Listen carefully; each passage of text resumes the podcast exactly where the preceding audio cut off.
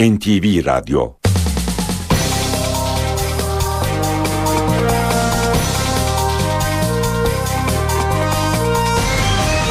İşe giderken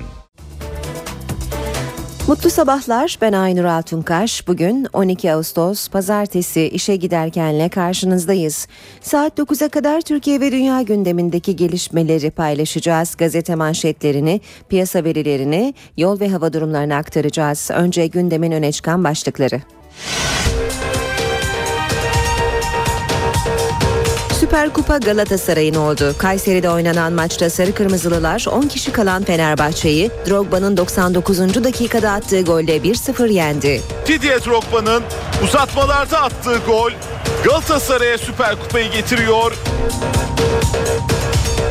Maç sonrası Galatasaray'ın birincilik madalyaları yanlışlıkla Fenerbahçeli futbolculara verildi. Hata fark edilince madalyalar değiştirildi. Christoph Daum yeniden Türkiye'ye geliyor. Bursa Spor Alman teknik adamla anlaşma sağladı. Spor Bakanı Suat Kılıç'ın stadyumları şiddetin, siyasi gösterilerin merkezi haline getirenler hukuki bedelini öder açıklaması tartışma yarattı. Ergenekon davasında müebbet hapis cezasına çarptırılan eski Genelkurmay Başkanı İlker Başbuğ sosyal medya üzerinden açıklama yaptı. Başbuğ, Türk milletinin gönlündeki rütbelerimiz sökülemez dedi. Balyoz planı davasının Yargıtay'daki temiz duruşmasına bugün devam edilecek. Davanın temiz sürecine Ramazan bayramı tatili nedeniyle bir hafta ara verilmişti. Dün yollarda tatilcilerin dönüş telaşı vardı. Bayram çilesi oldu bizim için ya. Yollar tabi bayram dönüşü olduğu için bayağı kalabalık. Lübnan'da Cuma günü kaçırılan iki Türk pilotun serbest bırakılması için girişimler sürüyor. Ulaştırma Bakanı Binali Yıldırım, pilotların serbest bırakılması için pazarlık yapıldığı iddialarını yalanladı. Mısır'da güvenlik güçlerinin darbeyi protesto için Adeviye meydanında toplanan Muhammed Mursi destekçilerine müdahale edeceği açıklandı.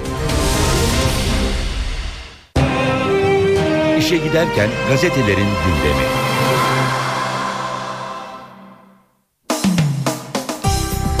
Basın özetlerine başlayalım. İlk sırada Milliyet gazetesi var. Ölümüne inat diyor Milliyet manşette.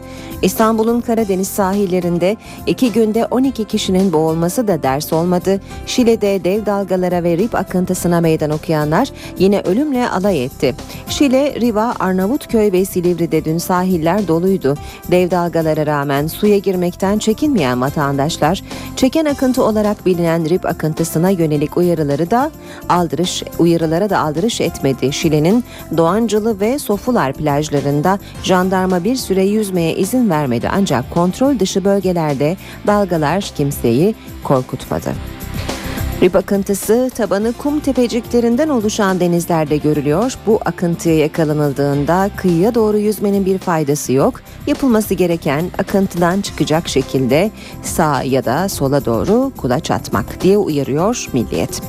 Bir başka haber Milliyet'ten yine içkide uyarı zamla gelecek. Alkol kullanımına sınırlamalar getiren yasanın ardından içki şişelerine konulacak uyarılar belirlendi. 10 ay sonra yürürlüğe girecek düzenlemeler uyarın düzenlemeler uyarınca şişelerin üzerine 18 yaş, otomobil kullanımı ve hamilelere ilişkin işaretler konulacak. Ayrıca alkol dostunuz değildir yazılacak uyarılar için üretim hattına yatırım yapılması gerekeceğinden içki fiyatlarının zamlanması bekleniyor. Yine milliyetten bir başlık Süper Kupa Cimbom'un sezonun ilk derbisinde gülen taraf sarı kırmızılılar oldu. Süper Kupa finalinde normal süre 0-0 bitti. Fenerbahçe 63. dakikada Alves'in atılmasıyla 10 kişi kaldı. 99. dakikada Drogba'nın kafasıyla 1-0 öne geçen Cimbom kupayı müzesine götürdü. Hürriyetle devam edelim. İki Murat da iyi. Beyrut Büyükelçimiz İnan Özyıldız kaçırılan Türk Hava Yolları pilotları Murat Akpınar'la Murat Ağcan'ın sağlık durumlarının iyi olduğunu açıkladı. Kısa sürede olumlu haber almayı umut ettiklerini söyleyen Büyükelçi, sakin davrandıkları için pilotların ailelerine de teşekkür etti.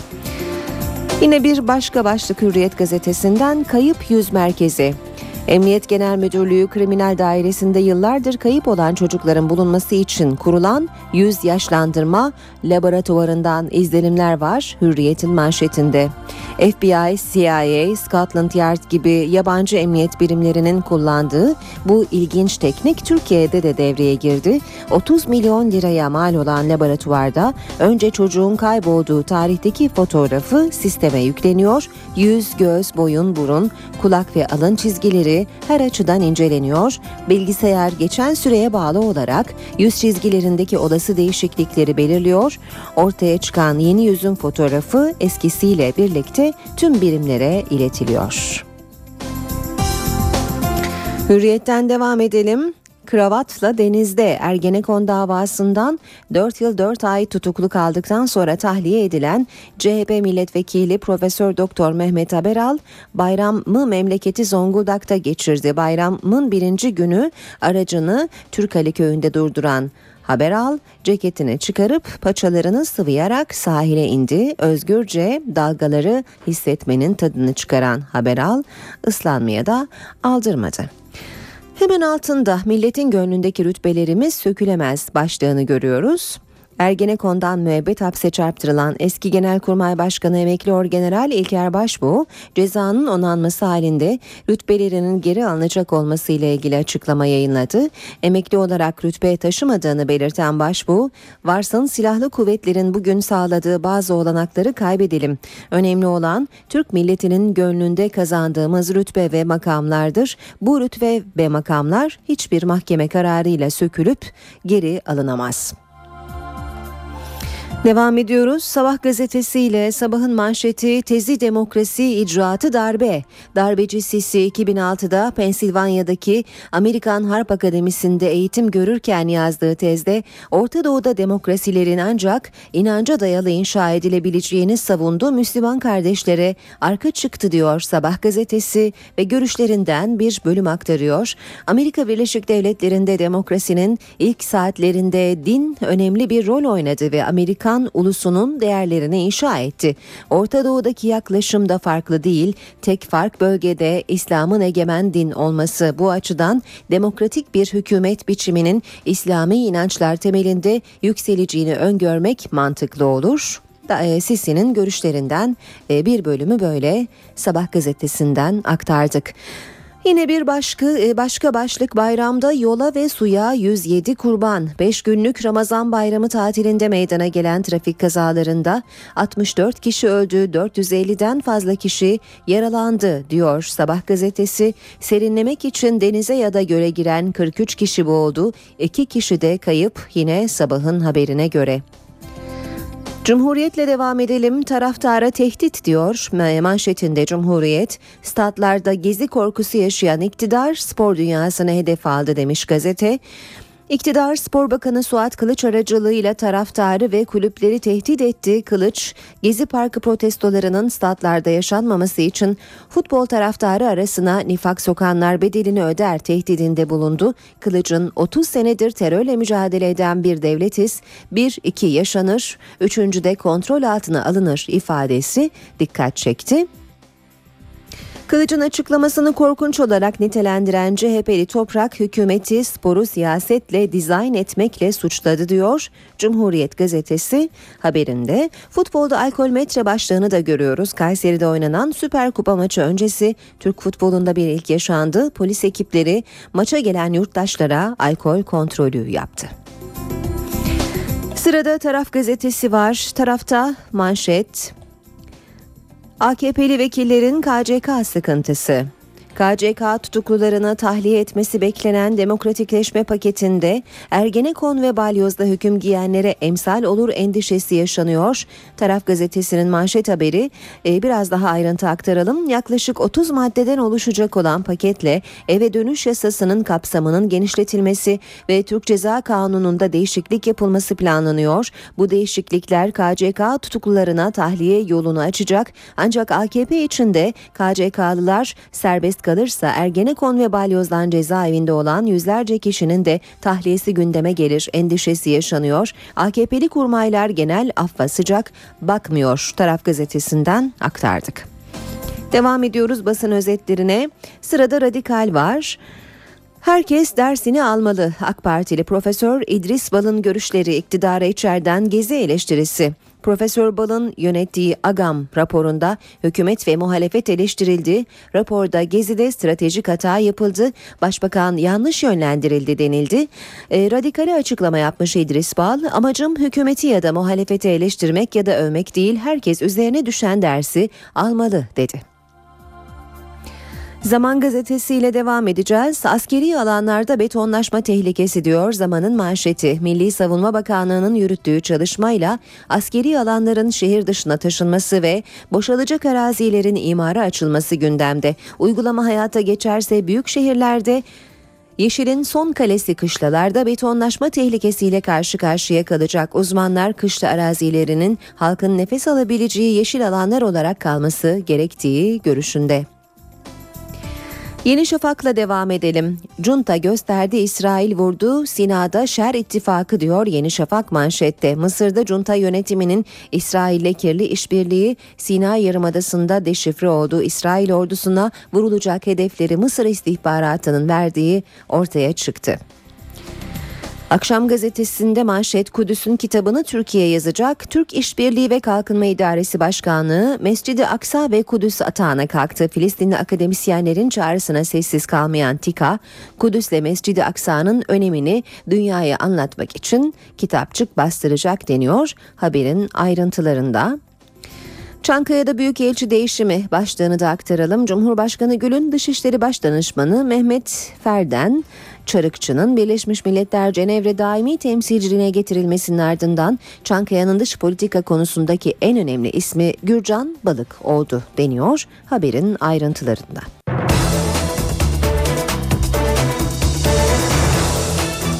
Saat 7.17 işe giderken gündemin ayrıntılarıyla sürüyor. Süper Kupa Galatasaray'ın Kayseri'de oynanan maçta Sarı Kırmızılılar 10 kişi kalan Fenerbahçe'yi 1-0 yenerek kupayı kazandı. Galibiyet golü uzatma dakikalarında Drogba'dan geldi. Spor Toto Süper Lig'in son şampiyonu Galatasaray Ziraat Türkiye Kupası şampiyonu Fenerbahçe ile karşı karşıya geliyor Süper Kupa'da.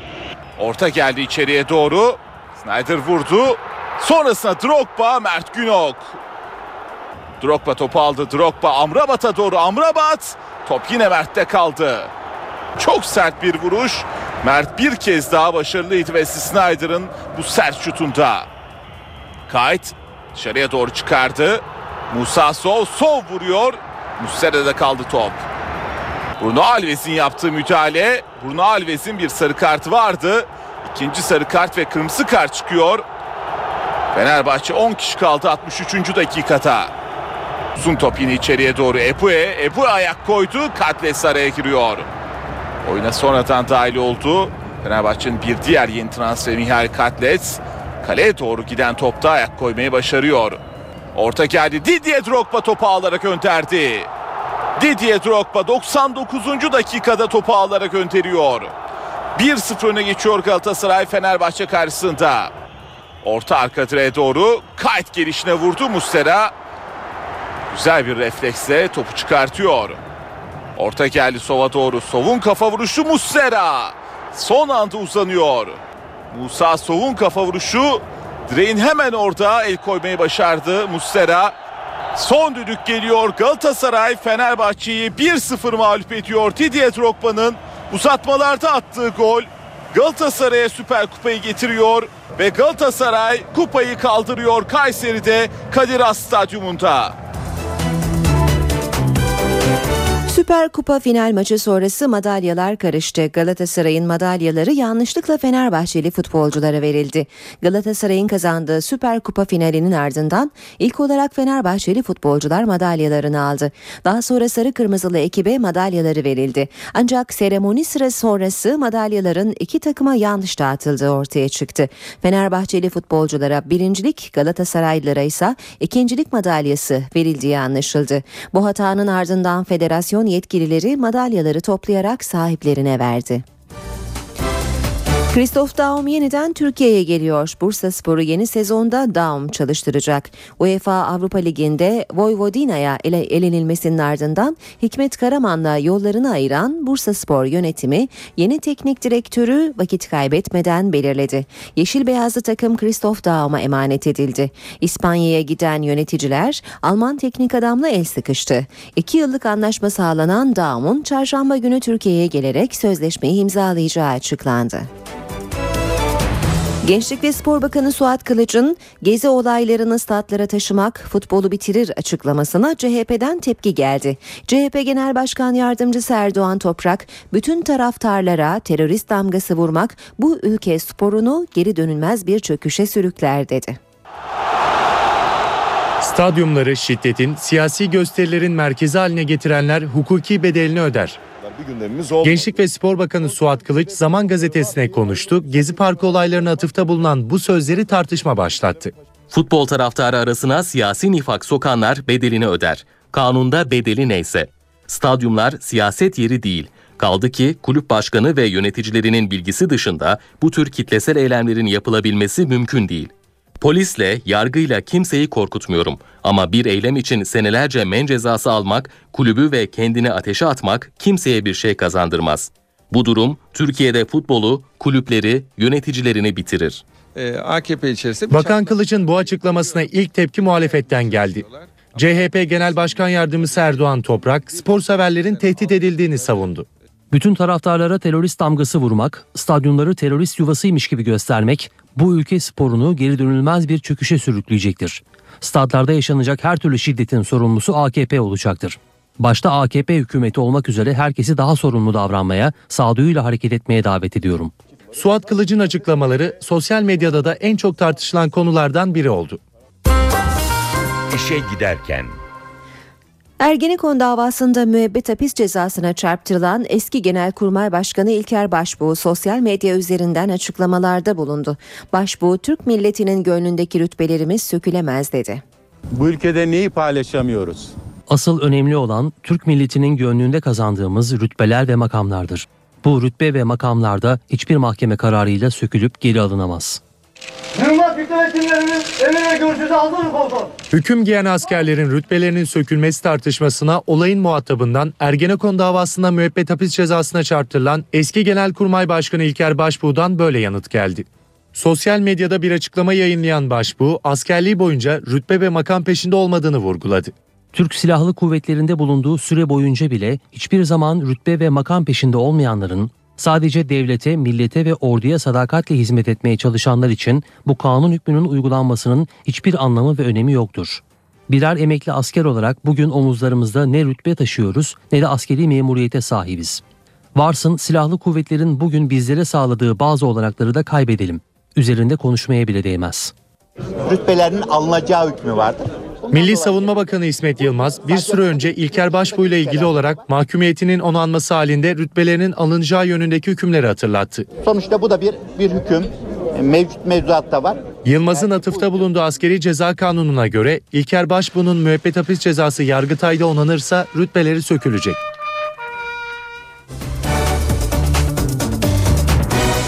Eski Genelkurmay Başkanı İlker Başbuğ'a verilen MHP cezaya MHP Genel Başkanı Devlet Bahçeli'den eleştiri geldi. Afyonkarahisar'da konuşan Bahçeli'nin gündeminde teröre çözüm arayışı süreci de vardı. Bugün terörist başıyla Türk Silahlı Kuvvetleri'nin genel kurmayı terörist başı ilan edilerek özdeşleştirilirse vay gele bu memleketin haline. Onun için şimdi çıkmış iki tane hakim biz diyor vicdanen rahat içerisindeyiz diyor. Haydi oradan talimat üzerine mahkeme yürütüyorsunuz. MHP Genel Başkanı Devlet Bahçeli, eski genelkurmay başkanlarından emekli orgeneral İlker Başbuğ'a müebbet hapis cezası verilmesini bu sözlerle eleştirdi. Afyonkarahisar'da konuşan MHP lideri Bahçeli'nin gündeminde teröre çözüm arayışı süreci de vardı. Güneydoğu Anadolu'da özellikle bazı il ve ilçelerde vergiler başkaları tarafından toplanıyor. Yollar başkaları tarafından kesiliyor ve kontrolleri yapılıyor.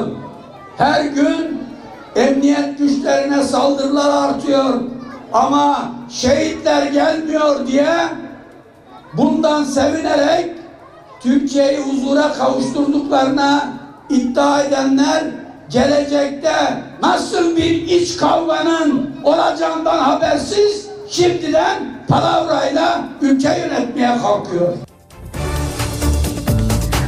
Bayram tatili bitti. Ankara'yı yoğun bir gündem bekliyor. Meclis demokratikleşme paketi mesaisi için yeni yasama yılına erken başlama hazırlığında. Anayasa Uzlaşma Komisyonu da kritik bir dönemece girdi. Siyaset bayram molasının ardından sıcak gündemine geri dönüyor. Demokratikleşme paketi fazla mesai yapılacak konular arasında. Hükümet çözüm sürecinin ikinci aşamasının önemli kilometre taşlarından biri olan demokratikleşme paketine son şeklini verdi. Paket bu hafta Başbakan Recep Tayyip Erdoğan tarafından da onaylanırsa meclise sevk edilecek. Düzenlemelerin içinde daraltılmış bölge seçim sistemi, kamuda kıyafet serbestliği, her dilde seçim propagandası, kamuda ana dilde hizmet alımı gibi maddeler bulunuyor. Demokratikleşme paketinin görüşülmesi için meclisin 1 Ekim yerine Eylül ayında açılması söz konusu olabilir. Yeni anayasa konusunda da çalışmalar sürüyor. Şimdiye kadar 60 maddeyi kabul eden Anayasa Uzlaşma Komisyonu yargı ile ilgili bölümü pazartesiden itibaren görüşmeye başlayacak. Vatandaşlık tanımı, dini özgürlükler gibi kritik maddelerin görüşmelerine Eylül ayında geçilecek. Başbakan Recep Tayyip Erdoğan'ın gündemi de yoğun. Başbakan 19 Ağustos'tan itibaren sırasıyla partinin Merkez Yönetim Kurulu, il başkanları ve Merkez Karar Yürütme Kurulu'nu toplayacak. 3 günlük bir Rize gezisinin ardından Başbakan'ın Eylül ayının başında Rusya'daki G20 zirvesine katılması bekleniyor. Başbakan Erdoğan'ın Esad yönetimine sıcak yaklaşımı nedeniyle eleştirdiği Rusya Devlet Başkanı Vladimir Putin'le de bu zirvede görüşmesi bekleniyor.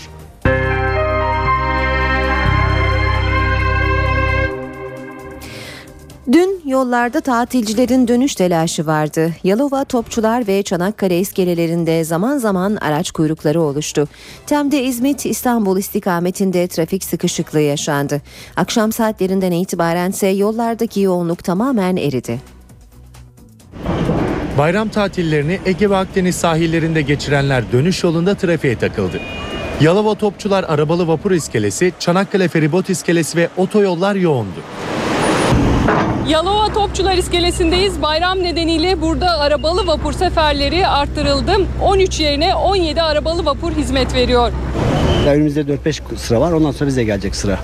Yaklaşık bir saat bekleyebiliriz ama bu normal bir şey bayram dönüşlerinde. Erken gelin yola çıktık trafiğe kalmayalım diye. Şu ana kadar bir sıkıntı yok. Yalova Topçular İskelesi'nde tatilin son günü geçen yıllardaki kadar büyük bir yoğunluk yaşanmadı. Araç kuyruğu iskeleyle sınırlı kaldı. Trafik akışını hızlandırmak için 3 yerine 5 kişi açıldı. Biz e, Doğu Almanya'yız. Çekoslovakya sınırından geliyoruz. Bu sene ilk defa arabayla geldik. Gelişimiz çok rahattı. İnşallah öyle rahat da tekrar geri döneriz. Yollar tabii bayram dönüşü olduğu için bayağı kalabalık. Ee, yani çok da sıkıcı değil aslında. Yaz olduğu için eğlenceli. De- Deniz kenarında bekliyoruz. Arabalı vapur yerine körfezi dolaşmak isteyen tatilciler Kocaeli Tem yoluna yöneldi. Tem karayolunun İstanbul istikametinde trafik zaman zaman durma noktasına geldi. Tatilciler isyan etti. Bayram çilesi oldu bizim için ya. İki saate şurada otobana girdik iki saat çıkamadık daha ya. İzmit'in girişinde başı kandıradan kuyruk devam ediyor böyle. Çanakkale'de de trafik yoğundu. Feribotlar doldur boşalt yöntemiyle saatsiz çalışarak yoğunluğu eritmeye çalıştı. Kuyruk iskele meydanından taşınca şehir içi trafiğe olumsuz etkilendi. Şehir içinde bazı caddeler trafiğe kapatıldı. Trafikteki sıkıntıların önüne geçebilmek için önlemler de alındı. Yollardaki bakım çalışmaları durduruldu. Tem otoyolunda her 5 kilometrede bir trafik ekibi bulunduruldu.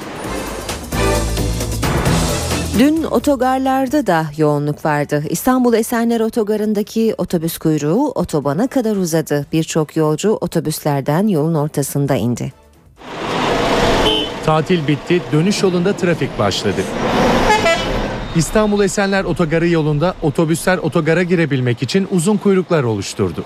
Bir de yol yapımı var bugün kaç aydır. İşte görüyorsun buranın halini. He, bayram ağzı yani bu yol bayram yapımı o yolu aç, açmadılar işte bu çileyi çekiyor abi.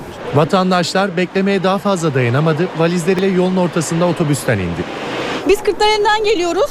3 saattir yoldayız. Buraya kadar iyi geldik de buradan öte trafik tıkalı olduğu için burada bıraktı bizi. 4 saatte yolda kaldık. Araba bozuldu. Onu bekledik. Normal sabahleyin 7'de inmemiz lazımdı. Tehlikeli olmasına rağmen kimi bebekleriyle, kimi kaldıramadığı yüküyle yolun karşısına geçmeye çalıştı. Çocuk e, durmadı. E, Zaten trafik var bir buçuk iki saatte açılmaz. Yol yorgunuyuz. Herkes evine gitmek istiyor. Şoför geçebilirsiniz dedi. Biz de indik geçtik. Yoğun trafikten otogara giremeyen taksiciler otobüslerden inen yolcuları alabilmek için yolda sıraya girdi. Trafikte kalanlar arasında otobüse yetişmeye çalışanlar da vardı. Yetişemiyoruz. 11-20 geçe şey var. Otobüs var. Mecbur. Daha hala belediye yetişemiyor. Süper Kupa Galatasaray'ın oldu. Kayseri'de oynanan maçta Sarı Kırmızılılar 10 kişi kalan Fenerbahçe'yi Drogba'nın 99. dakikada attığı golle 1-0 yendi. Didier Drogba'nın uzatmalarda attığı gol Galatasaray'a Süper Kupayı getiriyor. Maç sonrası Galatasaray'ın birincilik madalyaları yanlışlıkla Fenerbahçeli futbolculara verildi. Hata fark edilince madalyalar değiştirildi. Christoph Daum yeniden Türkiye'ye geliyor. Bursa Spor Alman teknik adamla anlaşma sağladı. Spor Bakanı Suat Kılıç'ın stadyumları şiddetin, siyasi gösterilerin merkezi haline getirenler hukuki bedelini öder açıklaması tartışma yarattı. Ergenekon davasında müebbet hapis cezasına çarptırılan eski Genelkurmay Başkanı İlker Başbuğ sosyal medya üzerinden açıklama yaptı. Başbuğ, Türk milletinin gönlündeki rütbelerimiz sökülemez dedi. Balyoz planı davasının Yargıtay'daki temiz duruşmasına bugün devam edilecek. Davanın temiz sürecine Ramazan bayramı tatili nedeniyle bir hafta ara verilmişti. Dün yollarda tatilcilerin dönüş telaşı vardı. Bayram çilesi oldu bizim için ya. Yollar tabii bayram dönüşü olduğu için bayağı kalabalık. Lübnan'da cuma günü kaçırılan iki Türk pilotun serbest bırakılması için girişimler sürüyor. Ulaştırma Bakanı Binali Yıldırım, pilotların serbest bırakılması için pazarlık yapıldığı iddialarını yalanladı. Mısır'da güvenlik güçlerinin darbeyi protesto için Adeviye Meydanı'nda toplanan Muhammed Mursi destekçilerine müdahale edeceği açıklandı. İşe giderken gazetelerin gündemi.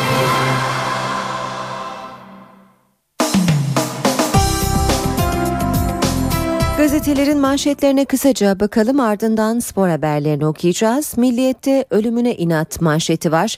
İstanbul'un Karadeniz sahillerinde iki günde 12 kişinin boğulması da ders olmadı. Şile'de dev dalgalara ve rip akıntısına meydan okuyanlar yine ölümle alay etti. Şile Riva, Arnavutköy ve Silivri'de dün sahiller doluydu. Dev dalgalara rağmen suya girmekten çekinmeyen vatandaşlar çeken akıntı olarak bilinen rip akıntısına yönelik uyarılara da aldırış etmedi. Hürriyet gazetesinde Manşet Kayıp Yüz Merkezi Emniyet Genel Müdürlüğü Kriminal Dairesi'nde yıllardır kayıp olan çocukların bulunması için kurulan yüz yaşlandırma laboratuvarından izlenimleri görüyoruz. Hürriyet gazetesinin haberinde Emniyetin Emniyet Genel Müdürlüğü oluşturulan özel laboratuvardaki çalışmalar sonucu kayıp 800 çocuğun bulunmasını hedefliyor deniyor. Sabah gazetesinde e, manşet Tezi demokrasi, icraatı darbe, darbeci Sisi 2006'da Pensilvanya'daki Amerika Harp Akademisi'nde eğitim görürken yazdığı tezde Orta Doğu'da demokrasilerin ancak inanca dayalı inşa edilebileceğini savundu. Müslüman kardeşleri arka çıktı diyor Sabah gazetesi. Sisi'nin e, tezinden görüşlere de yer veriyor 3 paragraf halinde. Cumhuriyet gazetesine bakalım taraftara tehdit demiş manşeti Cumhuriyet'in. Statlarda gezi korkusu yaşayan iktidar spor dünyasını hedef aldı. Spor Bakanı Suat Kılıç aracılığıyla taraftarları ve kulüpleri tehdit etti iktidar diyor Cumhuriyet. Kılıç Gezi Parkı protestolarının statlarda yaşanmaması için futbol taraftarı arasına nifak sokanlar bedelini öder tehdidinde bulundu. Kılıç'ın 30 senedir terörle mücadele eden bir devletiz. Bir iki yaşanır üçüncüde kontrol altına alınır ifadesi dikkat çekti deniyor. Radikal'de de AK Parti ile Profesör İdris Bal'ın görüşleri manşette. Herkes dersini almalı. Profesör Bal'ın yönettiği AGAM raporunda hükümet ve muhalefet eleştirildi. Raporda Gezi'de stratejik hata yapıldı, başbakan yanlış yönlendirildi dedi, denildi. E, Bal amacım hükümeti ya da muhalefeti eleştirmek ya da övmek değil, herkes üzerine düşen dersi almalı dedi. Geçelim Zaman gazetesine. Askeri alanlarda betonlaşma tehlikesi diyor Zaman. Milli Savunma Bakanlığı'nın yürüttüğü çalışmayla askeri alanların şehir dışına taşınması ve boşalacak arazilerin imara açılması gündemde uygulama hayata geçerse büyük şehirlerde yeşilin son kalesi kışlalarda betonlaşma tehlikesiyle karşı karşıya kalacak deniliyor. Tarafın manşeti ise AKP'li vekillerin KCK sıkıntısı. Tahliye getirecek pakette sona gelindi. KCK tutuklularını tahliye etmesi beklenen demokratikleşme paketinde Ergenekon ve balyozda hüküm giyenlere emsal olur endişesi yaşanıyor denmiş haberin ayrıntılarında. Şimdi gazetelerden spor başlıkları aktaralım. Sporun gündeminde Süper Kupa var. Hürriyet gazetesinden aktaralım önce. Bu da Cimbom klasiği. Galatasaray geçen sezon olduğu gibi yine Fenerbahçe'yi yenerek Süper Kupa'nın sahibi oldu. Kayseri'de uzatmalara giden dev finalde Drogba'nın kafa golüyle ezeli rakibine dize getiren Sarı Kırmızılılar kupayı üst üste ikinci kez müzesine götürdü. Alves'in atılmasıyla 57 dakika 10 kişi oynayan Fenerbahçe ilk kornerini 100. dakikada kazandı. Emre Belözoğlu dediğini yaptı. Galatasaray'ın zaferiyle tamamlanan Süper Kupa finalinin ardından Fenerbahçe kaptanı Emre Belözoğlu karşılaşma öncesinde söylediği gibi sarı kırmızılı takımın tüm futbolcularını tebrik etti. Milli Yıldız Galatasaraylı futbolcuların tek tek ellerini sıktı. Emre'nin yanı sıra kupa seremonisinde iki takım futbolcularının birbirleriyle konuşmaları ve maçın ardından sarılmaları da dikkatlerden kaçmadı. Devam edelim yine e, Hürriyet gazetesinden aktarmaya. Devlet eliyle barış. Bakan Kılıç çağırdı. Yıldırım ve Aysal finali birlikte izledi. Galatasaray ve Fenerbahçe kulüpleri arasında gerginliğin artması üzerine Suat Kılıç ezeli rakiplerin başkanlarına maçı birlikte izleme teklifinde bulundu. Yıldırım fikrini değiştirip Kayseri'ye geldi. Aysal ve iki bakanla beraber oturdu. Hürriyetten okumaya devam edelim. Süper koleksiyoncular. Fatih Terim Galatasaray'la kariyerinin 13. kupasını kazanırken Didier Drogba da finallerdeki 11. golünü sarı kırmızılarda ilk kez giydiği 11 numaralı formasıyla atmayı başardı. Şampiyonluk madalyası Fener'e Futbol Federasyonu yetkilileri kupa e, töreninde büyük bir skandala imza attı. Kupayı kazanan Galatasaray'a finalist, ezeli rakibine yenilen Sarı Lacivertlilere de birincilik madalyası takıldı. Futbolcular bu yanlışı soyunma odaları arasında transfer yaparak giderdi. Ne devam edelim Hürriyet gazetesinden aktarmaya. Yok ki Bolt'a yan bakan Jamaikalı Yıldız harika çıkışla zafere erişti.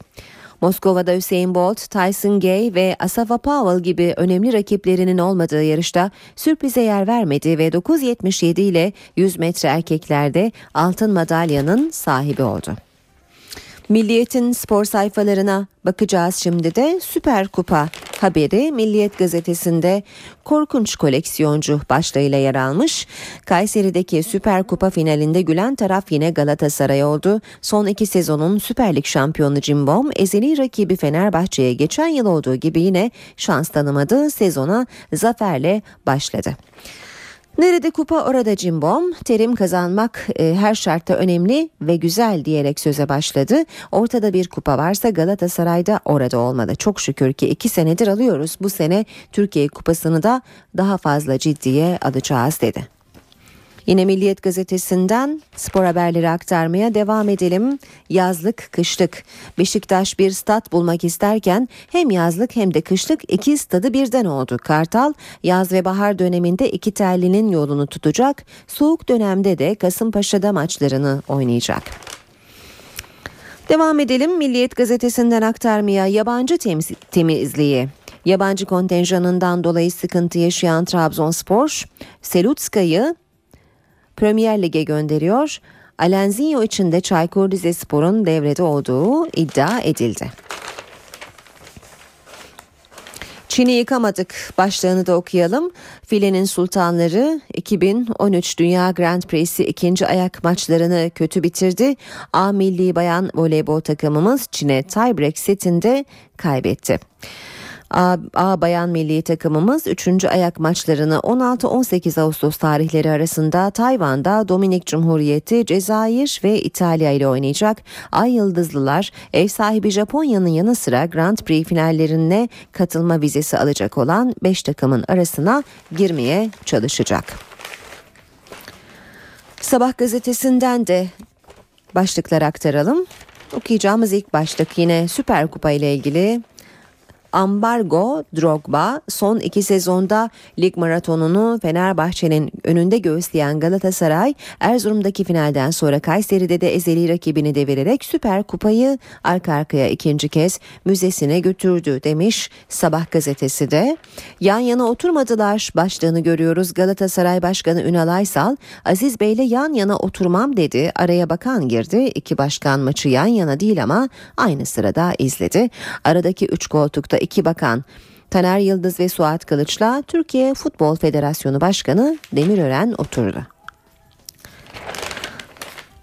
Mazeret üretmeyeceğiz başlığını da görüyoruz. Maçın kırmızı kart öncesi ve sonrası olarak ayrıldığını söyleyen Ersun Yanal ancak mazeret üretecek değiliz. Fenerbahçe mazeret üretmez, ders çıkarır dedi. Haftalar geçtikçe daha iyi olacağız. Arsenal'dan önce Konya'yı düşünüyoruz açıklamasını yaptı.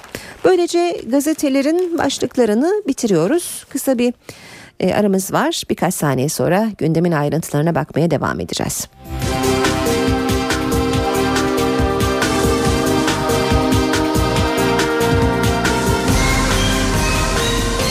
İşe giderken.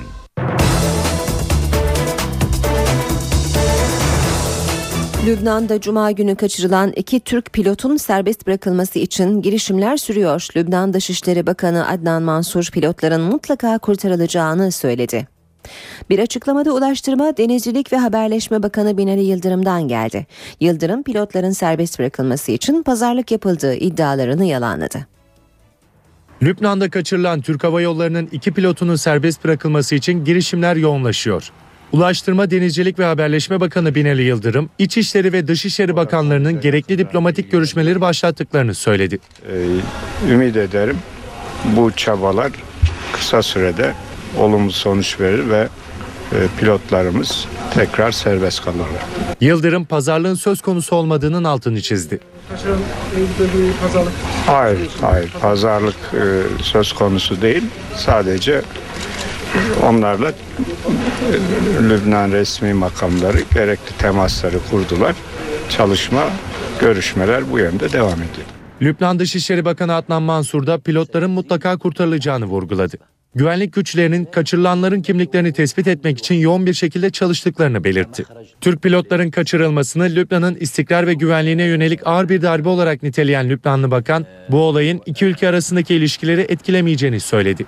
Lübnan İçişleri Bakanı Mervan Şerbil ise pilotların serbest bırakılması için bütün kurumlarıyla olayı takip ettiklerini kaydetti. Şerbil, pilotların kurtarılması için görevlendirilen ekibin araştırmalarını gizli şekilde yürüttüğünü belirtti. Murat Ağca ve Murat Akpınar adlı Türk pilotları Cuma günü havaalanından Beyrut'ta kalacakları otele giderken kaçırılmıştı. Türk pilotların kaçırılmasını üstlenen İmam Rıza'nın ziyaretçileri adlı örgüt, Türk pilotlarına karşılık Suriye'de rehin tutulan 9 Lübnanlı'nın serbest bırakılmasını istiyor. Mısır'da güvenlik güçleri bu sabah Mursi taraftarlarını meydanlardan dağıtmak için harekete geçebilir açıklama ismi verilmeyen güvenlik kaynaklarından geldi. Güvenlik kaynakları Ramazan ve bayramın sona ermesinin ardından Mısır polisinin sabah saatlerinde Mursi taraftarlarını dağıtmak için harekete geçeceğini söyledi. Kararın İçişleri Bakanı'nın yardımcılarıyla yaptığı toplantıda alındığı belirtiliyor. Güvenlik güçlerinin Adeviye meydanında toplanan Mursi taraftarlarının üzerine geçen ay ateş açması sonucu sonucu en az 70 kişi hayatını kaybetmişti. Afganistan Dışişleri Bakanlığı Taliban'la barış müzakereleri için Türkiye ve Suudi Arabistan'ı adres gösterdi. Bakanlık sözcüsü Canan Muzasey, Afganistan devletinin Taliban yetkilileriyle barış konusunda görüşmek için Türkiye ve Suudi Arabistan'da yeni bir ofis açabileceğini söyledi. Muzasey, görüşmenin Taliban yetkilileri ve Afganistan Yüksek Barış Konseyi arasında gerçekleşeceğini ifade etti. Taliban sözcüsü Zabihullah Mücahit ise Afgan Dışişleri'nin teklifini henüz karara bağlamadıklarını ifade etti. Mücahit, müzakereler için adres gösterilen ülkelerle hiçbir sıkıntılarının olmadığını söyledi. Irak'taki son saldırılarda yaklaşık 80 kişi öldü. Saldırıların bir türlü engellenememesi Iraklıların tepkisini çekiyor. Bu tepkilerin odağında ise hükümet ve güvenlik güçleri var. Irak'ta şiddet durmuyor. Ramazan ayının ardından bayramda da ülke yine kanlı saldırılarla sarsıldı. Bağdat'tan Kerbela'ya, Tusurmatu'dan Kerkük'e pek çok kent bombalı saldırıların hedefi oldu. Nisan ayından beri tırmanan saldırılar artık Iraklıları öfkelendiriyor. Tepkilerin odağında hükümet ve güvenlik güçleri var. Sormak istiyorum. Hükümet nerede? Güvenlik güçleri nerede? Başbakan güvenliği sağlayamıyorsa o zaman bu görevi başkası üstlensin. İktidara niye yapışıyorsun? Güvenlik güçleri nerede? İnsanlar bayramı bile kutlayamıyor. Yıkıma bakın. Oğlumun 5 dükkanı vardı hepsi de yandı. Bunu kim telafi edecek? Kimse bize destek olmuyor, sahip çıkmıyor. Vali ve diğer yetkililer buraya gelsinler, bize sahip çıksınlar. Bu 2007'den beri yaşanan en kanlı Ramazan oldu. Saldırılarda 600'den fazla kişi yaşamını yitirdi. Irak'ın 2006-2007 yıllarında olduğu gibi yine bir mezhep çatışmasına sürüklenmesinden korkuluyor. Irak'ta 80 kişinin hayatını kaybettiği saldırılarla ilgili Ankara'dan Dışişleri Bakanlığı'ndan açıklama geldi. Açıklamada başta merkezi hükümet olmak üzere Irak siyasetinde etkin tüm tarafları toplumsal barışın sağlanması için çaba sarf etmeye çağırıyoruz denildi. Türkiye'nin Irak'a terörle mücadele alanında gereken işbirliği ve desteği sağlamaya hazır olduğu da vurgulandı. Akdeniz'de yine bir kaçak göçmen faciası yaşandı. İtalya'ya gitmeye çalışan kaçakları taşıyan tekne karaya oturdu. Yüzme bilmeyen 6 kaçak boğularak öldü. 120 kişi ise kurtarıldı. Daha iyi bir hayat için yola çıktılar ancak amaçlarına ulaşamadılar. İtalya'ya gitmeye çalışan kaçaklardan 6'sı Sicilya adası yakınlarında boğularak can verdi. Ölenlerin tümü erkek. İçlerinde 15-16 yaşlarında bir erkek çocuğu da var. Kimliklerini belirlemeye çalışıyoruz. Trajedi yaklaşık 120 kaçağı taşıyan teknenin kıyı 15 metre mesafede karaya oturmasıyla yaşandı. Teknede bulunan çoğu Mısırlı ve Suriyeli olan diğer kaçaklar kurtarıldı. 90 kaçak taşıyan diğer bir teknede Sicilya'nın güneydoğusuna ulaştı. Son dönemde İtalya'ya gitmeye çalışan Suriyeli ve Mısırlı kaçakların sayısında artış gözleniyor. Birleşmiş Milletler verilerine göre bu yılın ilk yarısında 8 bin kaçak İtalya kıyılarına çıktı. Kaçaklar İtalya'dan yakınlarının bulunduğu veya iş bulabilecekleri diğer Avrupa Birliği ülkelerine gitmeyi amaçlıyor. İşe giderken Yurttan sıcak bir gelişmeyle devam edelim. Kocaeli'nin Kartepe ilçesinde bir sunta fabrikasında çıkan yangında bir kişi öldü, bir kişi yaralandı.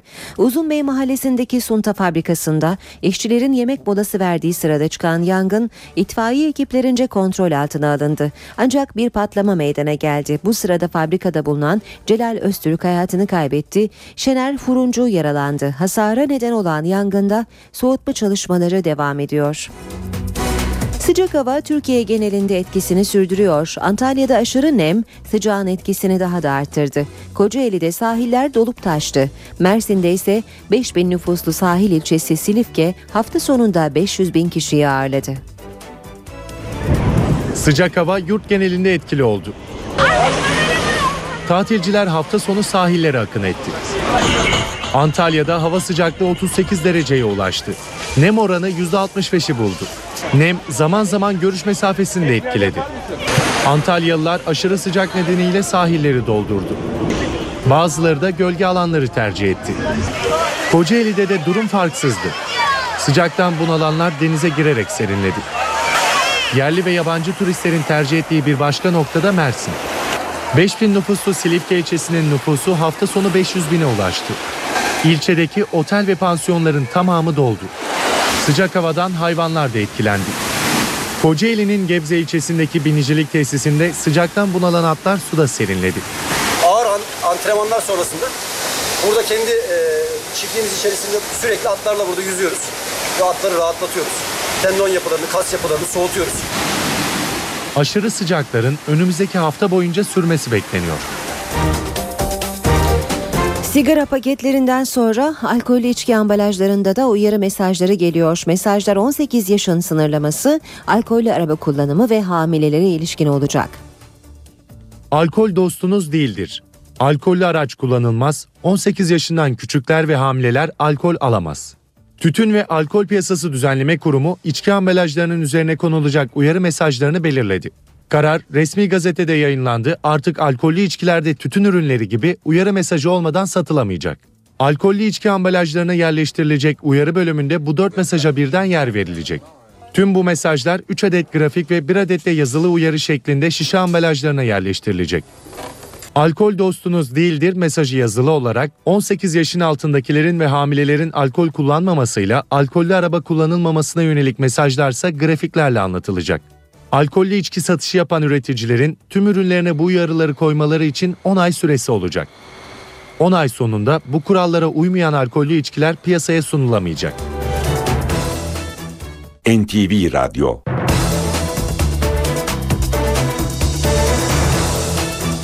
Yeniden günaydın herkese. Bu bölümü hava durumuyla başlayacağız. Birazdan Gökhan Abur'la konuşacağız. Önce gündemin başlıklarını hatırlayalım.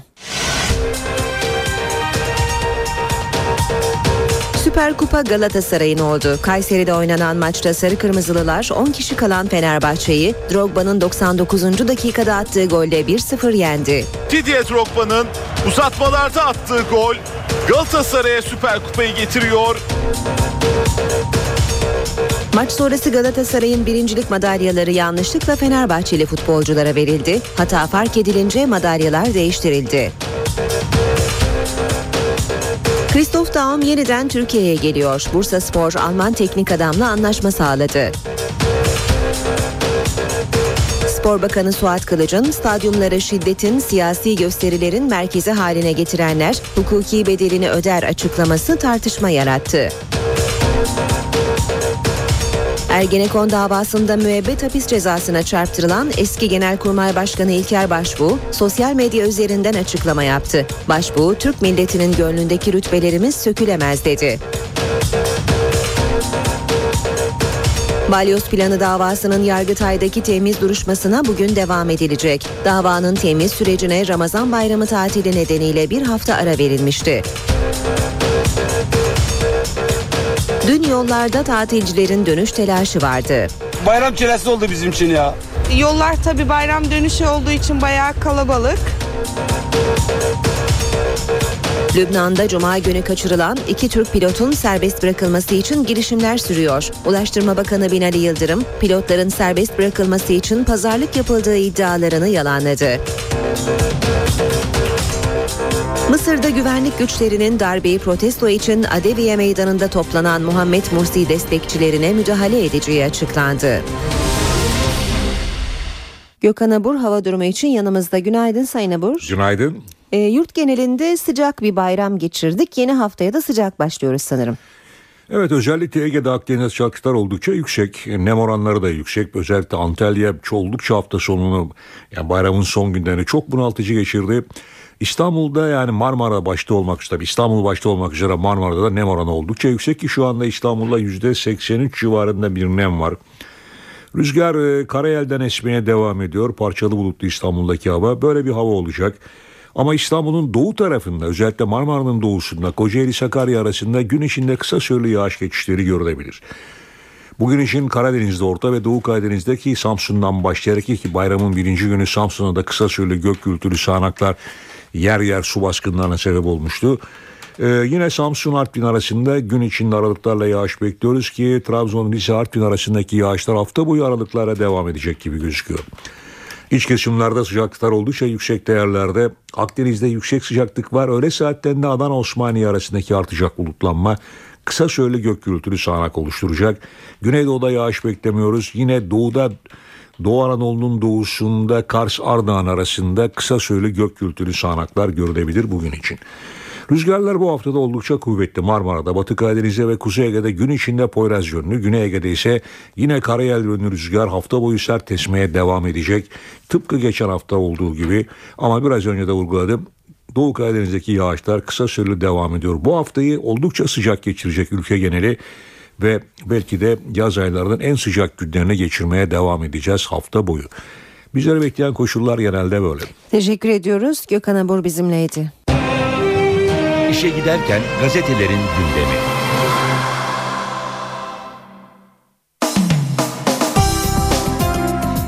Gündemdeki gelişmelerin gazetelerdeki yankılarıyla devam ediyoruz. Milliyet gazetesine bakalım. Milliyet gazetesinde Manşet ölümüne inat. İstanbul'un Karadeniz sahillerinde iki günde 12 kişinin boğulması da ders olmadı. Şile'de dev dalgalara verip akıntısına meydan okuyanlar yine ölümle alay etti.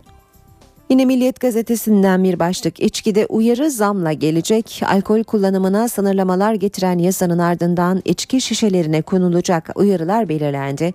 10 ay sonra yürürlüğe girecek düzenlemeler uyarınca şişelerin üzerine 18 yaş, otomobil kullanımı ve hamilelere ilişkin işaretler konulacak. Ayrıca alkol dostunuz değildir yazılacak. Uyarılar için üretim hattına yatırım yapılması gerekeceğinden içki fiyatlarının zamlanması bekleniyor. Hürriyet gazetesinde manşet kayıp yüz merkezi. Emniyet Genel Müdürlüğü Kriminal Dairesi'nde yıllardır kayıp olan çocukların bulunması için kurulan yüz yaşlandırma laboratuvarından izlenimleri görüyoruz haberde. FBI, CIA, Scotland Yard gibi yabancı emniyet birimlerinin kullandığı bu ilginç teknik Türkiye'de de devreye girdi deniyor haberde. Emniyet Genel Müdürlüğü oluşturulan özel laboratuvardaki çalışmalar sonucu kayıp 800 çocuğun bulunmasını hedefliyor. Bir başka haber Eki Murat da iyi başlığını taşıyor. Beyrut Büyükelçimiz İnan Özyıldız kaçırılan Türk Hava Yolları pilotları Murat Akpınar'la Murat Ağacan'ın sağlık durumlarının iyi olduğunu açıkladı. Geçelim Cumhuriyet gazetesine taraftara tehdit diyor Cumhuriyet manşette. Statlarda gezi korkusu yaşayan iktidar spor dünyasına hedef aldı. İktidar Spor Bakanı Suat Kılıç aracılığıyla taraftarı ve kulüpleri tehdit etti. Kılıç, Gezi Parkı protestolarının statlarda yaşanmaması için futbol taraftarı arasına nifak sokanlar bedelini öder tehdidinde bulundu. Kılıç'ın 30 senedir terörle mücadele eden bir devletiz. 1-2 yaşanır, üçüncüde kontrol altına alınır ifadesi dikkat çekti deniyor Cumhuriyet'in haberinde. Bu arada futbolda alkol metre başlığını da görüyoruz. Kayseri'de oynanan Süper Kupa maçı öncesi Türk futbolunda bir ilk yaşandı. Polis ekipleri maça gelen yurttaşlara alkol kontrolü yaptı. Radikalle devam edelim. Manşet herkes dersini almalı. AK Partili Profesör İdris Bal'ın açıklamalarını görüyoruz. Profesör Bal'ın yönettiği AGAM raporunda hükümet ve muhalefet eleştirildi. Raporda Gezi'de stratejik hata yapıldı. Başbakan yanlış yönlendirildi denildi.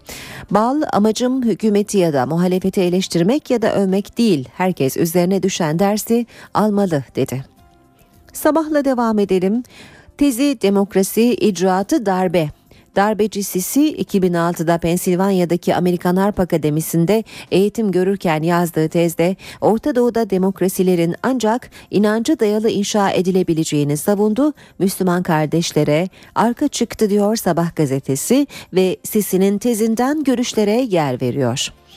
Bir başka başlık Aslan yine süper. Süper Kupa finalinde Galatasaray üst üste ikinci kez güldü. Cimbom geçen yıl kupayı elinden aldığı Fenerbahçe'yi Drogba'nın kafa golüyle yine üzdü deniyor haberde. Sırada taraf gazetesi var. AKP'li vekillerin KCK sıkıntısı diyor taraf manşette. KCK tutuklularını tahliye etmesi beklenen demokratikleşme paketinde Ergenekon ve Balyoz'da hüküm giyenlere emsal olur endişesi yaşanıyor. Yaklaşık 30 maddeden oluşacak olan paketle eve dönüş yasasının kapsamının genişletilmesi ve Türk Ceza Kanunu'nda değişiklik yapılması planlanıyor. Bu değişiklikler KCK tutuklularına tahliye yolunu açacak. Ancak AKP içinde KCK'lılar serbest kalırsa Ergenekon ve Balyoz'dan cezaevinde olan yüzlerce kişinin de tahliyesi gündeme gelir endişesi yaşanıyor. AKP'li kurmaylar genel affa sıcak bakmıyor demiş taraf haberinde. Habertürk'le devam ediyoruz. Habertürk'ün manşeti alkole 3 uyarı. İçki şişesinde genç, hamile ve sürücüler uyarılacak. Mesaj alkol dostunuz değildir. Trafiğimiz Irak'tan hallice. Bayramda yollar yine kan gölü 64 ölü diyor Habertürk. Bayramı zehir eden trafik cezaları yine hız kesmedi. Yollarda 64 kişi öldü, 511 kişi yaralandı. Türkiye'deki can bilançosu Irak'ta bayram saldırılarında ölen 80 kişiye neredeyse yetişti ve İstanbul'a dönüş yönünde tem adım adım ilerledi. Feribot kuyrukları bitmek bilmedi diyor Habertürk haberinde. Geçelim Zaman gazetesine askeri alanlarda betonlaşma tehlikesi diyor Zaman manşette. Milli Savunma Bakanlığı'nın yürüttüğü çalışmayla askeri alanların şehir dışına taşınması ve boşalacak arazilerin imara açılması gündemde. Uygulama hayata geçerse büyük şehirlerde yeşilin son kalesi kışlalarda betonlaşma tehlikesiyle karşı karşıya kalacak. Uzmanlar kışla arazilerinin halkın nefes alabileceği yeşil alanlar olarak kalması gerektiği görüşünde deniyor haberde. Sırada Akşam gazetesi var. Kudüs'ün kitabını Türkiye yazacak demiş Akşam manşette. Türk İşbirliği ve Kalkınma İdaresi Başkanlığı TİKA, Mescid-i Aksa ve Kudüs atağına kalktı. Filistinli akademisyenlerin çağrısına sessiz kalmayan TİKA, Kudüs'le Mescid-i Aksa'nın önemini dünyaya anlatmak için kitapçık bastıracak. Yine devam ediyoruz basın özetlerine. Akşamdan bir başlık daha içeriden destekli tuzak. Türk Hava Yolları pilotları Murat Akpınar'la Murat Ağcan'ın Beyrut'ta kaçırılması Lübnan'da güvenlik zafiyeti tartışması başlattı. Olayın içeriden destekle gerçekleştirildiği iddiaları gündeme geldi diyor Akşam gazetesi. Yeni Şafak'a bakalım. Yeni Şafak'ta manşet Sina'da Şer ittifakı. Junta gösterdi İsrail vurdu. Mısır'da junta yönetiminin İsrail'le kirli işbirliği Sina Yarımadası'nda deşifre oldu. İsrail ordusuna vurulacak hedefleri Mısır istihbaratının verdiği ortaya çıktı deniyor Yeni Şafak gazetesinin haberinde. Ankara gündemi.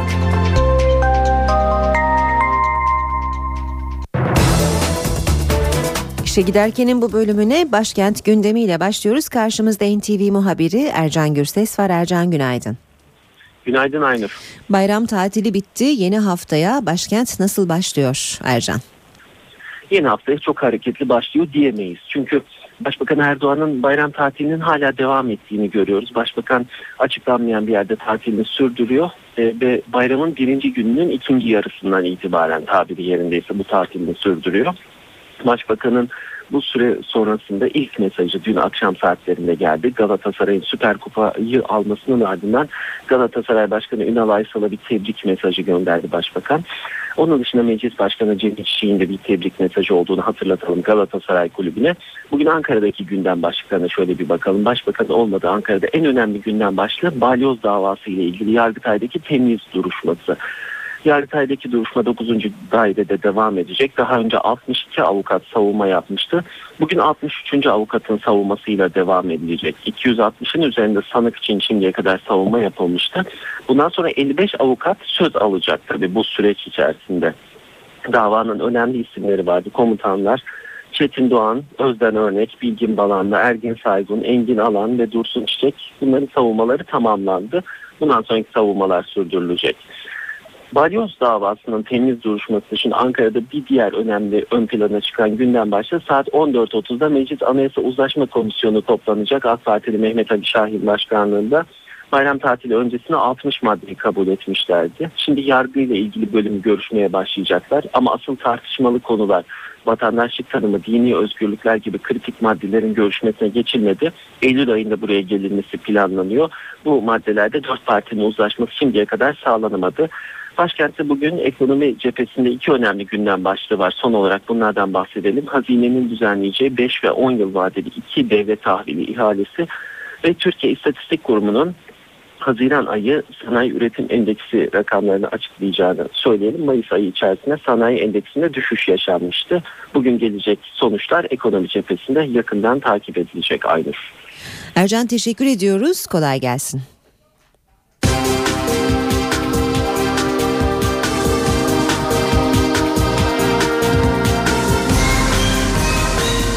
İşe giderken.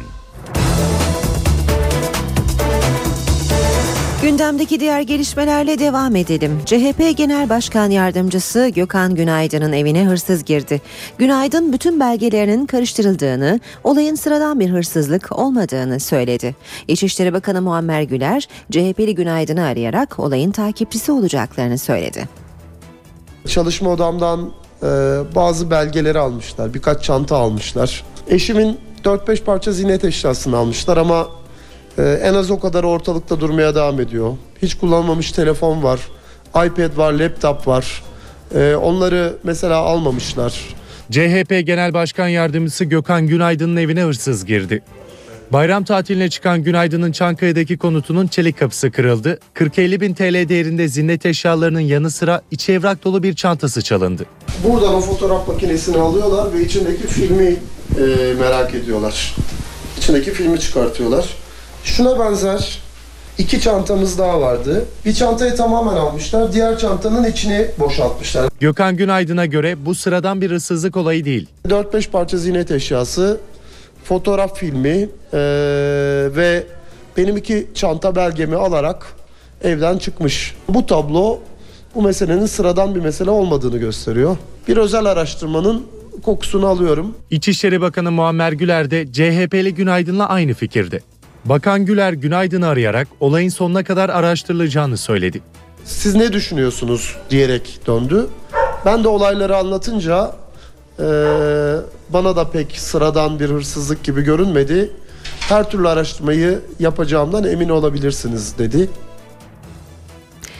28 Şubat sürecinde disiplin cezası nedeniyle memuriyetten çıkarılanlar bugünden itibaren göreve dönüş için başvuruda bulunabilecek. Yeniden öğretmenliğe ve memuriyete atanmak isteyenlerin başvuruları 12-29 Ağustos tarihlerinde alınacak. Başvuranlar genel şartları taşımaları koşuluyla kurumlarında daha önceki veya benzer unvanlı kadrolara 2 ay içinde atanacak. Sigara paketlerinden sonra alkollü içki ambalajlarına da uyarı mesajları geliyor. Mesajlar 18 yaş sınırlaması, alkollü araba kullanımı ve hamilelere ilişkin olacak. Alkol dostunuz değildir. Alkollü araç kullanılmaz, 18 yaşından küçükler ve hamileler alkol alamaz. Tütün ve Alkol Piyasası Düzenleme Kurumu içki ambalajlarının üzerine konulacak uyarı mesajlarını belirledi. Karar resmi gazetede yayınlandı. Artık alkollü içkilerde tütün ürünleri gibi uyarı mesajı olmadan satılamayacak. Alkollü içki ambalajlarına yerleştirilecek uyarı bölümünde bu dört mesaja birden yer verilecek. Tüm bu mesajlar 3 adet grafik ve 1 adet de yazılı uyarı şeklinde şişe ambalajlarına yerleştirilecek. Alkol dostunuz değildir mesajı yazılı olarak 18 yaşın altındakilerin ve hamilelerin alkol kullanmamasıyla alkollü araba kullanılmamasına yönelik mesajlarsa grafiklerle anlatılacak. Alkollü içki satışı yapan üreticilerin tüm ürünlerine bu uyarıları koymaları için 10 ay süresi olacak. 10 ay sonunda bu kurallara uymayan alkollü içkiler piyasaya sunulamayacak. Bayram tatilinde 20 milyon araç yollardaydı. Tüm uyarılara, önlemlere rağmen yine korkulan oldu. 3 günlük Ramazan bayramının bilançosu ağır. Trafik kazalarında 42 kişi yaşamını yitirdi, 273 kişi de yaralandı. Bu yılda bayram tatili boyunca kaza haberleri gelmeye devam etti. Uyarılar ve önlemlere rağmen trafik kazalarında 42 kişi öldü, 273 kişi yaralandı. Bayramın ilk günü kazalarda 9 kişi hayatını kaybetti.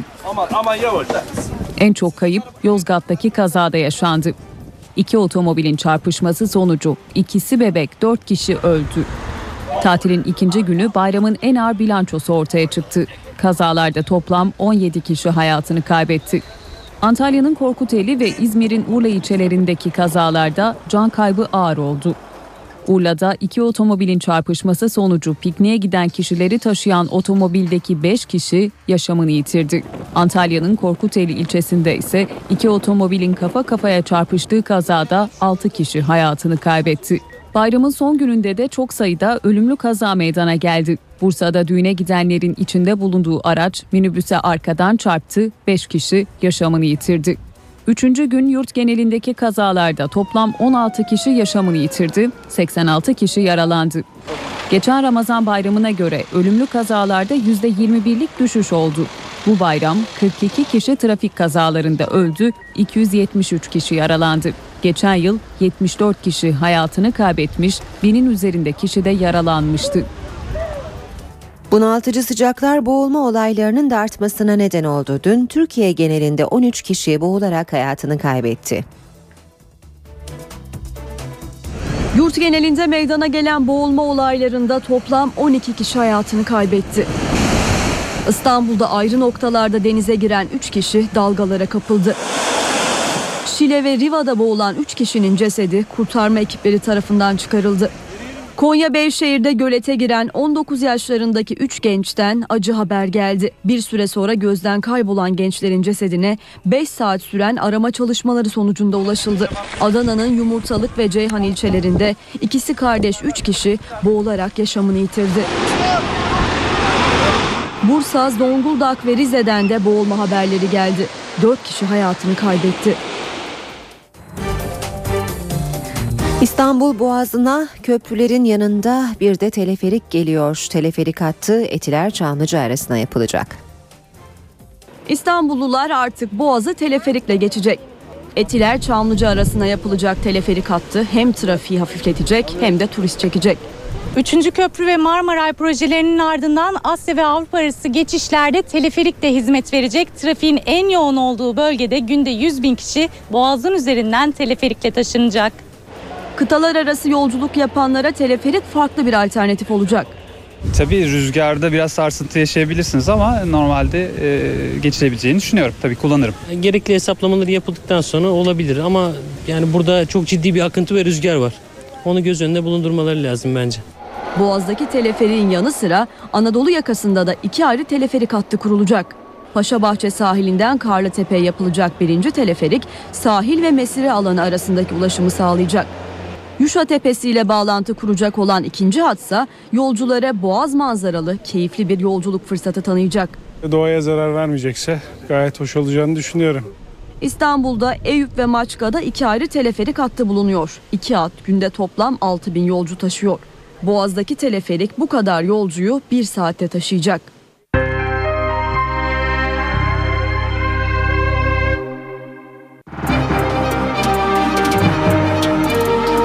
Piyasalar bayram öncesi kısa haftada sakin bir seyre sahipti. Borsa İstanbul bayram riskini almak istemeyenlerin satışlarıyla hafifçe geriledi. Endeks %0,66 düşerek 73.544 puandan kapandı. Bu sabah serbest piyasada dolar 1.92'nin euroda 2.56'nın üzerinde işlem görüyor. Euro dolar 1.33 dolar yen 96 düzeyinde.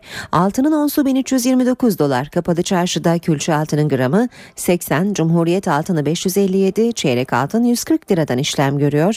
Brent petrolün varili 108 dolar. Süper Kupa Galatasaray'ın oldu. Kayseri'de oynanan maçta Sarı Kırmızılılar 10 kişi kalan Fenerbahçe'yi Drogba'nın 99. dakikada attığı golle 1-0 yendi. Didier Drogba'nın uzatmalarda attığı gol Galatasaray'a Süper Kupayı getiriyor. Maç sonrası Galatasaray'ın birincilik madalyaları yanlışlıkla Fenerbahçeli futbolculara verildi. Hata fark edilince madalyalar değiştirildi. Christoph Daum yeniden Türkiye'ye geliyor. Bursa Spor Alman teknik adamla anlaşma sağladı. Spor Bakanı Suat Kılıç'ın stadyumları şiddetin, siyasi gösterilerin merkezi haline getirenler hukuki bedelini öder açıklaması tartışma yarattı. Ergenekon davasında müebbet hapis cezasına çarptırılan eski Genelkurmay Başkanı İlker Başbuğ sosyal medya üzerinden açıklama yaptı. Başbuğ, Türk milletinin gönlündeki rütbelerimiz sökülemez dedi. Balyoz planı davasının Yargıtay'daki temiz duruşmasına bugün devam edilecek. Davanın temiz sürecine Ramazan bayramı tatili nedeniyle bir hafta ara verilmişti. Dün yollarda tatilcilerin dönüş telaşı vardı. Bayram çilesi oldu bizim için ya. Yollar tabi bayram dönüşü olduğu için bayağı kalabalık.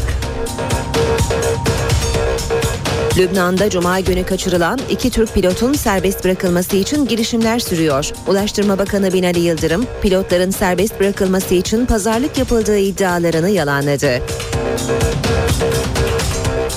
Mısır'da güvenlik güçlerinin darbeyi protesto için Adeviye meydanında toplanan Muhammed Mursi destekçilerine müdahale edeceği açıklandı.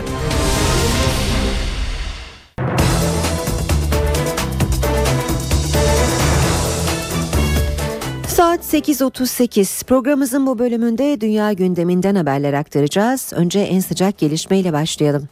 Çin'in batısındaki Tibet özerk bölgesinde 6,1 büyüklüğünde bir deprem meydana geldi.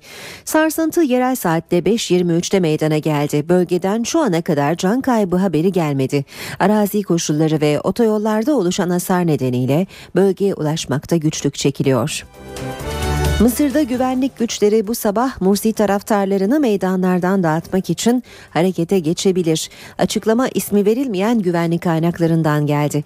Güvenlik kaynakları Ramazan ve bayramın sona ermesinin ardından Mısır polisinin sabah saatlerinde Mursi taraftarlarını dağıtmak için harekete geçeceğini söyledi. Kararın İçişleri Bakanı'nın yardımcılarıyla yaptığı toplantıda alındığı belirtiliyor. Güvenlik güçlerinin Adeviye meydanında toplanan Mursi taraftarlarının üzerine geçen ay ateş açması sonucu en az 70 kişi hayatını kaybetmişti. Irak'taki son saldırılarda yaklaşık 80 kişi öldü. Saldırıların bir türlü engellenememesi Iraklıların tepkisini çekiyor. Bu tepkilerin odağında ise hükümet ve güvenlik güçleri var. Irak'ta şiddet durmuyor. Ramazan ayının ardından bayramda da ülke yine kanlı saldırılarla sarsıldı. Bağdat'tan Kerbela'ya, Tusurmatu'dan Kerkük'e pek çok kent bombalı saldırıların hedefi oldu. Nisan ayından beri tırmanan saldırılar artık Iraklılara öfkelendiriyor. Tepkilerin odağında hükümet ve güvenlik güçleri var. Sormak istiyorum. Hükümet nerede? Güvenlik güçleri nerede? Başbakan güvenliği sağlayamıyorsa o zaman bu görevi başkası üstlensin. İktidara niye yapışıyorsun? Güvenlik güçleri nerede? İnsanlar bayramı bile kutlayamıyor. Yıkıma bakın. Oğlumun 5 dükkanı vardı hepsi de yandı. Bunu kim telafi edecek? Kimse bize destek olmuyor, sahip çıkmıyor. Vali ve diğer yetkililer buraya gelsinler, bize sahip çıksınlar. Bu 2007'den beri yaşanan en kanlı Ramazan oldu. Saldırılarda 600'den fazla kişi yaşamını yitirdi. Irak'ın 2006-2007 yıllarında olduğu gibi yine bir mezhep çatışmasına sürüklenmesinden korkuluyor. Irak'ta 80 kişinin hayatını kaybettiği saldırılara ilişkin Ankara'dan Dışişleri Bakanlığı'ndan açıklama geldi. Açıklamada başta merkezi hükümet olmak üzere Irak siyasetinde etkin tüm tarafları toplumsal barışın sağlanması için çaba sarf etmeye çağırıyoruz denildi. Türkiye'nin Irak'a terörle mücadele alanında gereken işbirliği ve desteği sağlamaya hazır olduğu da vurgulandı. Afganistan Dışişleri Bakanlığı Taliban'la barış müzakereleri için Türkiye ve Suudi Arabistan'a adres gösterdi. Bakanlık sözcüsü Canan Musazey, Afganistan devletinin Taliban yetkilileriyle barış konusunda görüşmek için Türkiye ve Suudi Arabistan'da yeni bir ofis açılabileceğini söyledi. Musazey, görüşmenin Taliban yetkilileri ve Afganistan Yüksek Barış Konseyi arasında gerçekleşeceğini ifade etti. Taliban sözcüsü Zabihullah Mücahit ise Afgan Dışişleri'nin teklifini henüz karara bağlamadıklarını ifade etti. Mücahit, müzakereler için adres gösterilen ülkelerle hiçbir sıkıntılarının olmadığını söyledi. İsrail, Filistin'le yeniden başlayan barış görüşmeleri kapsamında 26 Filistinli mahkumun iki gün içinde serbest bırakılacağını açıkladı. İsrail, Amerika Birleşik Devletleri'nin aracılığıyla yeniden başlayan barış görüşmeleri öncesi iyi niyet göstergesi olarak bazı Filistinli mahkumları serbest bırakacağını açıklamıştı. İsrail kabinesinin salı verilmesini onayladığı 104 mahkumun 26'sı iki gün içinde serbest kalacak. Ancak İsrail dün bu karara gölge düşürecek bir adım da attı. Batı Şeria'da ve Doğu Kudüs'te 1200 yeni yerleşim birimi inşaatına onay verdi. İsrail ve Filistin arasındaki barış görüşmeleri 2010'da İsrail'in yasa dışı yerleşimler kurması nedeniyle tıkanmıştı. Yeniden başlayan görüşmelerin ikinci turu bu hafta gerçekleşecek. İngiltere nüfusu en çok artan Avrupa Birliği ülkesi oldu. Ulusal İstatistik Enstitüsü'nün rakamlarına göre Haziran 2011'den sonraki bir yıllık dönemde nüfus 419.900 kişi artarak 63,7 milyon kişiye yükseldi. Aynı dönemde Fransa'nın nüfusu 319.100, Almanya'nın ise 162.200 kişi arttı. Yüksek doğum ve göç oranları nedeniyle başkent Londra'nın nüfusu ise 104.000 kişi yükseldi. Rusya Devlet Başkanı Vladimir Putin yasta. Putin çok sevdiği judo hocasını kaybetti. Rus lider hocasının cenaze törenine katıldıktan sonra St. Petersburg sokaklarında tek başına yürüdü. Putin çok sevdiği judo hocasının cenaze törenine katıldıktan sonra keder ve hüznünü dağıtmaya çalıştı. Korumalarını geride bırakan Putin bir süre yalnız yürüdü. Rusya Devlet Başkanı'nın tek başına yürüdüğü sokaklar gençlik yıllarını geçirdiği yerlerdi. Putin cenaze törenine katıldığı judo hocasından sporun inceliklerini bu sokaklarda öğrenmişti. Rus gazetelerine göre Putin cenaze töreninde yaşadığı derin üzüntü nedeniyle 76 yaşındaki hocası Anatoly Rahli'nin tabutuna yaklaşmakta zorlandı. Rus lideri törende uzun süredir rahatsız olan hocasının ailesini teselli etmeyi ihmal etmedi. Norveç Başbakanı Stoltenberg önümüzdeki ay yapılacak seçimler için kampanyalarına hız verdi. Kılık değiştirerek bir taksinin direksiyonuna geçen başbakan seçmenleri şoförlüğüyle etkileyemedi. Bugün programım biraz farklı olacak. Bir başbakanın halkın fikirlerine kulak vermesi gerekir ve insanlar taksideyken siyasi fikirlerini açıkça ortaya koyar. Norveç Başbakanı Jens Stoltenberg seçim kampanyası için farklı bir yöntem seçti. Halkın nabzını tutabilmek için kılık değiştiren başbakan Oslo sokaklarında taksicilik yaptı. Müşteriler aynı zamanda İşçi Partisi lideri olan Başbakan Stoltenberg'i tanımakta güçlük çekmedi. Seçmenleriyle sohbet eden başbakanın zaman zaman fikir ayrılığına düştüğü de oldu. Hayır, siz Sosyalist Parti ile hemfikirsiniz. Ancak başbakanın ikna ettiği seçmenler de yok değildi. Tamam, sizin partiye oy vereceğim. Uzun süredir otomobil kullanmadığını itiraf eden Norveç Başbakanı zaman zaman zorlu anlarda yaşadı.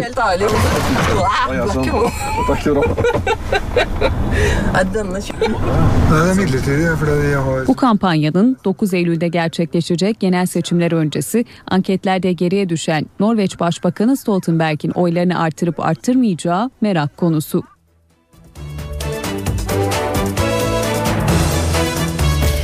Şimdi spor gündeminden haberlere geçelim. Süper Kupa Galatasaray'ın Kayseri'de oynanan maçta Sarı Kırmızılılar 10 kişi kalan Fenerbahçe'yi 1-0 yenerek kupayı kazandı. Galibiyet golü uzatma dakikalarında Drogba'dan geldi. Spor Toto Süper Lig'in son şampiyonu Galatasaray Ziraat Türkiye Kupası şampiyonu Fenerbahçe ile karşı karşıya geliyor Süper Kupa'da. Orta geldi içeriye doğru. Snyder vurdu. Sonrasında Drogba, Mert Günok. Drogba topu aldı. Drogba Amrabat'a doğru. Amrabat. Top yine Mert'te kaldı. Çok sert bir vuruş. Mert bir kez daha başarılıydı ve Snyder'ın bu sert şutunda. Kayt dışarıya doğru çıkardı. Musa Sol sol vuruyor. Muslera'da kaldı top. Bruno Alves'in yaptığı müdahale. Bruno Alves'in bir sarı kartı vardı. İkinci sarı kart ve kırmızı kart çıkıyor. Fenerbahçe 10 kişi kaldı 63. dakikada. Uzun top yine içeriye doğru Epue. Epue ayak koydu. Katles araya giriyor. Oyuna sonradan dahil oldu. Fenerbahçe'nin bir diğer yeni transferi Mihail Katles.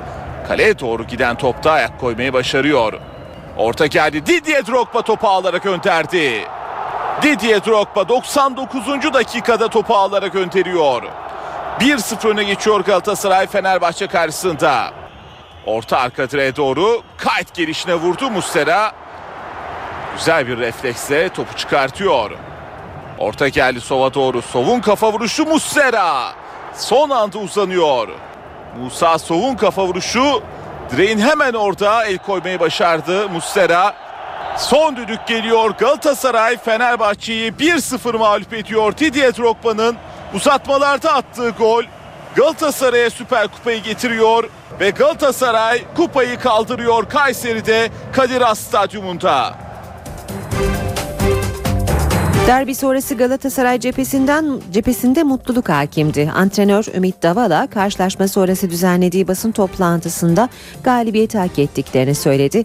Fenerbahçe Teknik Direktörü Ersun Yanal ise kupayı kaybetmenin yenilginin mazereti olmaz diye konuştu. Oyunun ilk 20, 20 dakikasında bayağı bir e, iki takım da zorlandı pozisyon üretmeye. Bayağı ağır bir tempoda geçti. Birbirimizi tartarak başladık. İki taraf iki tarafında birbirine saygısı çok fazla olan bir 20 dakikaydı. Sonra oyuna ağırlığımızı koymaya başladık. Birçok pozisyon ürettik. 20. dakikadan itibaren e, 90 dakika içerisinde maçı bitirebilirdik. Ama e, çok pozisyon ürettik. Final paslarını oynamadığımız pozisyonlar ve oynayamadığımız pozisyonlar haricinde birçok pozisyon ürettik. Çok e, yüzde yüz net gol pozisyonlara girdik. Ama olmayınca olmuyor. Bunu ilk kez e, yaşamadık Fenerbahçe'ye karşı. O yüzden e, maç uzatmalara gitti. Uzatmalar da aynı şekilde biz tempomuza devam ettik. Yine birçok pozisyona girdik. Karşı karşıya kalacağımız pozisyonlar vardı. Topu ayağımıza alamadık veya kontrol edemediğimiz pozisyonlar vardı. Ama sonunda 1-0 galip geldik. Bunun için çok mutluyuz. Ee, bizim için ilk resmi maçımızdı. Fenerbahçe bundan önce biliyorsunuz iki tane resmi maç oynadı. Ee, lige başlamadan önce bizim için iyi bir moral oldu. Fenerbahçe oyunda 10 kişi kaldı. İşte Fenerbahçe oyunu 10 ki 11 kişiyken şöyle oynadı. 10 kişi kaldıktan sonra bunu yaptı. Gol yedikten sonra şu kadar gol kaçırdı. Bunların hepsini bir tarafa bırakıp kupayı alamamanın mazeretini olmayacağını düşünüyorum. Hatta biraz daha ileri gidip 4 tane 5 tane oyuncusu da olabilirdi. Onlar da yoktu. Bunların hiçbir tanesi altına sığınmadan, mazeret üretmeden kupayı alınmadığı bir ortamda bunun mazereti olmayacağını düşünüyorum. Ve önünde bekleyen hem şampiyonluk yarışında hem de UEFA kupasında en iyisini yapabilecek hem kadroya hem takıma sahibiz. Zaman zaman bunun ışıklarını çok fazlasıyla da gördük. Bundan sonraki yapacağımız tüm çalışmalarda da bu hedeflerimize varmak adına yapacağımız organizasyonlar olacaktır. E, Fenerbahçe her geçen gün daha iyi olacak. Daha dinamik bir takım olmak zorunda olduğumuzu hepimiz biliyoruz. E, ben de kendi stilim, kendi oyun felsefemde o dinamik takımı yaratmak adına çalışıyorum. Her geçen gün e, daha iyi bir Fenerbahçe izleyeceğiz. Arkadaşlar e, Fenerbahçe'nin gücü ortada. Fenerbahçe transfer etmek istediği her oyuncuyu kadrosuna katabilir. O yüzden transfer etmez. Bu haberle işe giderken sona eriyor. Gelişmelerle saat başında yine birlikte olacağız. Editör masasında Safiye Kılıç, teknik masada Murat Çelik ve Emre Köseoğlu ve ben Aynur Altunkaş. Mutlu bir gün diliyoruz. Hoşçakalın. NTV Radyo